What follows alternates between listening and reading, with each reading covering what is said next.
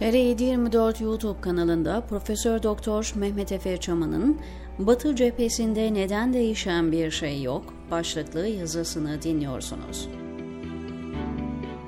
Rejime ilişkin birçoklarının aklına takılan meselelerin en başında kuşkusuz Batı'nın neden bu rejimi yeterince eleştirmediği sorusu geliyor. Öyle ya, dünyadaki en önemli jeopolitik konumlardan birine sahip olan Türkiye, gözle görülür biçimde ciddi bir eksen kaymasına uğradı. Batı dünyası nasıl oldu da buna müsaade etti? Önemli sorudur ve analiz edilmesi gerekir. Konuya çok farklı açılardan yaklaşmak olanaklı. Öncelikle 101 uluslararası ilişkilere giriş temel bilgisiyle başlayalım. Devletler kendi çıkarlarına, menfaatlerine göre hareket eder. Devletler arası ilişkilerde insani duygular temel alınarak siyasi kararlar verilmiyor.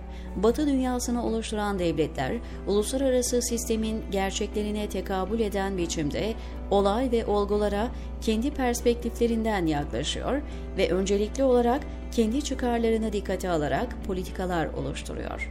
Bu sistemde başka bir devletin çıkarları dikkate alınarak sırf iyilik olsun diye ya da etik kaygılarla hareket edilmiyor. Çıkarlar bağlamında diğer önemli bir noktada hiçbir çıkarın sabit olmayışı durumu. 1980'lerdeki ya da 1990'lardaki Batı çıkarlarıyla 2023 yılının getirdiği gerekliliklerin belirlediği çıkarlar aynı değil. Diğer bir ifadeyle çıkarlar değişken dolayısıyla belli bir dönem geçerli ve dış politika davranışlarının belirleyicisi konumunda olan çıkarlar zamanla küresel ve bölgesel değişimlere uygun olarak değişebiliyor. Yukarıdaki analiz Batı'nın Türkiye politikalarındaki değişimleri dar bir çerçevede izah edebilir. Ancak küresel ve bölgesel gelişimlerin tetiklediği yeni çıkar formülasyonları dışında Türkiye özelinde Türkiye siyasal karar alıcılarının tercihleri de batılı ülkelerin Türkiye'ye yönelik politikalarını ister istemez etkiliyor. 1923-2016 yılları arasındaki Türk dış politikasına baktığımızda ilk göze çarpan özelliklerden biri Batı yönelimli reformların yapılması ve batılı ülkelerle işbirliğinin kurumsallaştırılması çabalarıdır. Tanzimattan itibaren Osmanlı İmparatorluğu kurumsal düzeyde batılılaşmaya başladı. Batı kurumlarını kendisine örnek alarak yoğun bir reform sürecinden geçti. Bu miras Cumhuriyet'in ilanından sonra da devam etti hatta daha da yoğunlaşarak modern Türkiye Devleti'nin ana omurgasına temel oldu. İkinci Dünya Savaşı'nın ardından Türkiye yeni inşa edilen küresel sistemle bütünleşti. Bu çerçevede çok partili demokrasiye geçiş yapıldı, Avrupa Konseyi'nin kurucu üyesi olundu ve ardından NATO'ya katılma kararı alındı. Türkiye bu rolü kendi kendine biçti hiçbir dış güç, başta Batı olmak üzere, Türkiye'yi bu dış politika tercihine zorlamadı. Güvenlik politikaları bağlamında Batı ile askeri, stratejik, ekonomik ve politik işbirliği Türkiye'yi olası bir Sovyet işgalinden korudu, onu istikrarlılaştırdı, geliştirdi, rekabet gücünü artırdı. Bu rol ve yönelim, oryantasyon veya temayül 1990'larla beraber erozyona uğramaya başladı.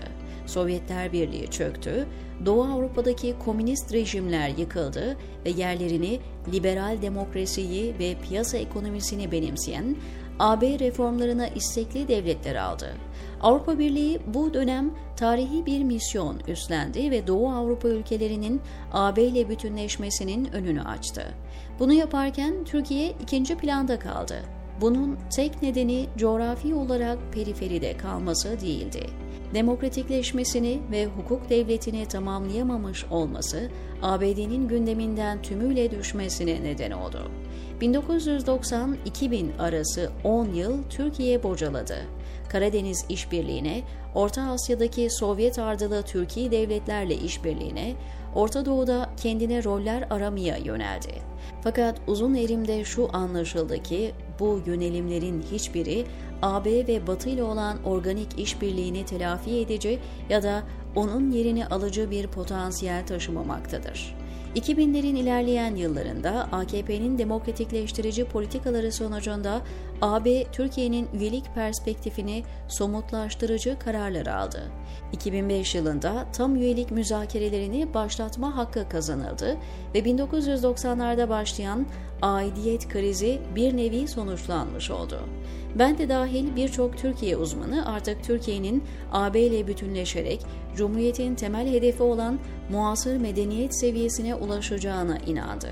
Bu doğrultuda yapılan reformlar ve beraberinde gelen ekonomik ve siyasal istikrar, 2013 gezi olaylarına ve 17 Aralık yolsuzluk dosyalarının kapatılmasına kadar devam edecekti. Batı'nın Türkiye'ye biçtiği rol değişmedi. Türkiye'nin kendine biçtiği rol değişti. Batı oyununun kurallarını en başta koydu. Reformlarını yap, gereğini hayata geçir, demokratikleş, insan hakları karneni düzelt ve ekonomik rekabet gücünle beraber kişi başı yaşam standartlarını geliştir, bütünleşme seviyeni artır. Türkiye bir süre bunun gereğini yaptı. Fakat sonra içerideki çürüme nedeniyle bu politikayı önce ihmal, ardından da iptal etti. Mülteciler konusu ortaya çıktığında artık Türkiye'nin gündeminde büyük ölçüde AB üyeliği yoktu. Arap Baharı denen süreçte Türkiye oldukça maceracı ve riskli bir dış politika izledi. Sünnici, İslamcı bir hayal dünyasına bodoslama daldı. Güvenlik sigortalarını tümüyle artırdı ve kumar masasına oturan bir kumarbaz gibi hareket etti. Dimyat'a giderken eldeki bulgurdan oldu. İstikrarsızlaşan Orta Doğu diktatörlükleri yerine demokratik rejimler kurulmadı. Bilakis İslamcı, cihatçı terör örgütlerinin istikrarsızlaştırdığı Suriye örneğinde olduğu gibi Türkiye için ciddi güvenlik zafiyetleri ortaya çıktı. Bunların başında mülteci meselesi geliyordu. Türkiye'yi yöneten İslamcı ekip durumun içerdiği dehşetli tehlikeyi görmedi. Neo-İslamcı, İslamcı hatta neo-halifelik gibi son derece naif bir o kadar da tehlikeli politikalara yöneldi. Bu yelken açılan tehlikeli sularda geminin kayalara bodoslama bindirilmesi kaçınılmazdı. Mülteci sorunu patlamıştı. AB'nin Türkiye öncelikleri zaten değişmişti. Ancak mültecilerin AB sınırlarına yığılmasıyla beraber AB'nin Türkiye algısı daha da değişti. Bu yeni algıya göre AB Türkiye'ye bir tampon bölge rolü yükledi. Bunun ücreti olan avrolar Tayyip Erdoğan yönetimine yağdırılırken Türkiye Avrupa Ligi'nden Orta Doğu Ligi'ne küme düşmüş oldu.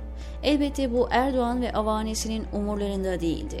Dahası AB Türkiye'nin yeni konumu nedeniyle Ankara üzerindeki insan hakları ve demokrasi baskısını da tümüyle kaldırdı. Kendi çıkarlarına göre bir yeni Türkiye politikası oluşturdu. Türkiye'deki genel algıyla örtüşmeyen bir gerçek, Batı'nın gücünün sınırsız olmadığıdır. Dahası Batı kaynaklarını çarçur etmez, dikkatli kullanır. Türkiye yörüngeden çıktıktan sonra onu yeniden yörüngeye sokmak çok pahalı ve irrasyonel bir tutum olurdu. Dahası Batı'da zaten Türkiye'nin AB'ye katılımı konusunda çok ciddi şüpheler ve endişeler vardı. İnsan haklarında düzelme, demokratikleşme ve istikrarlılaşma gibi Türkiye bağlamında pahalı ve riskli projeler böylece rafa kalktı. Türkiye'de fetişleştirilen şeylerden biri Türkiye'nin jeopolitiğine yapılan şişirmedir. Dünyanın merkezi Türkiye, dünyanın en hayati önemli coğrafyası Anadolu coğrafyası gibi abartılı değerlendirmeler Türkiye'deki karar alıcıları riskli kararlar almaya itti. Sonunda olmaz denilen oldu, Türkiye batıdan koptu. Çin'le beraber en fazla gazeteci hapseden ülke konumunda olmak, 2 milyon insanın terörizm soruşturmasına alınması, 160 bin kamu çalışanının bir gecede hain ilan edilerek resmi gazetede gece yarıları yayınlanan çarşaf listelerle ihraç edilmesi gibi korkunç politikalar izlenirken, Batı ile işbirliğine devam edebileceği inancı herhalde bu kararları alan siyasetçilerde yoktu. Ama işin enteresanı Erdoğan ve AKP'si dışındaki partiler de AB'ye ve NATO'ya sahip çıkmadılar. Anti-Batı retoriği güçlendikçe güçlendi.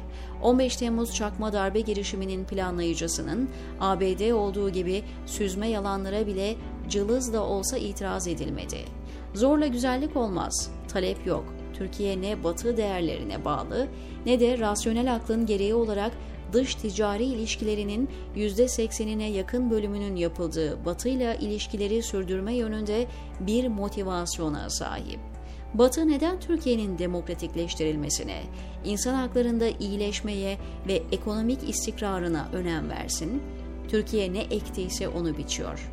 Batı kimseyi zorla demokratikleştiremez.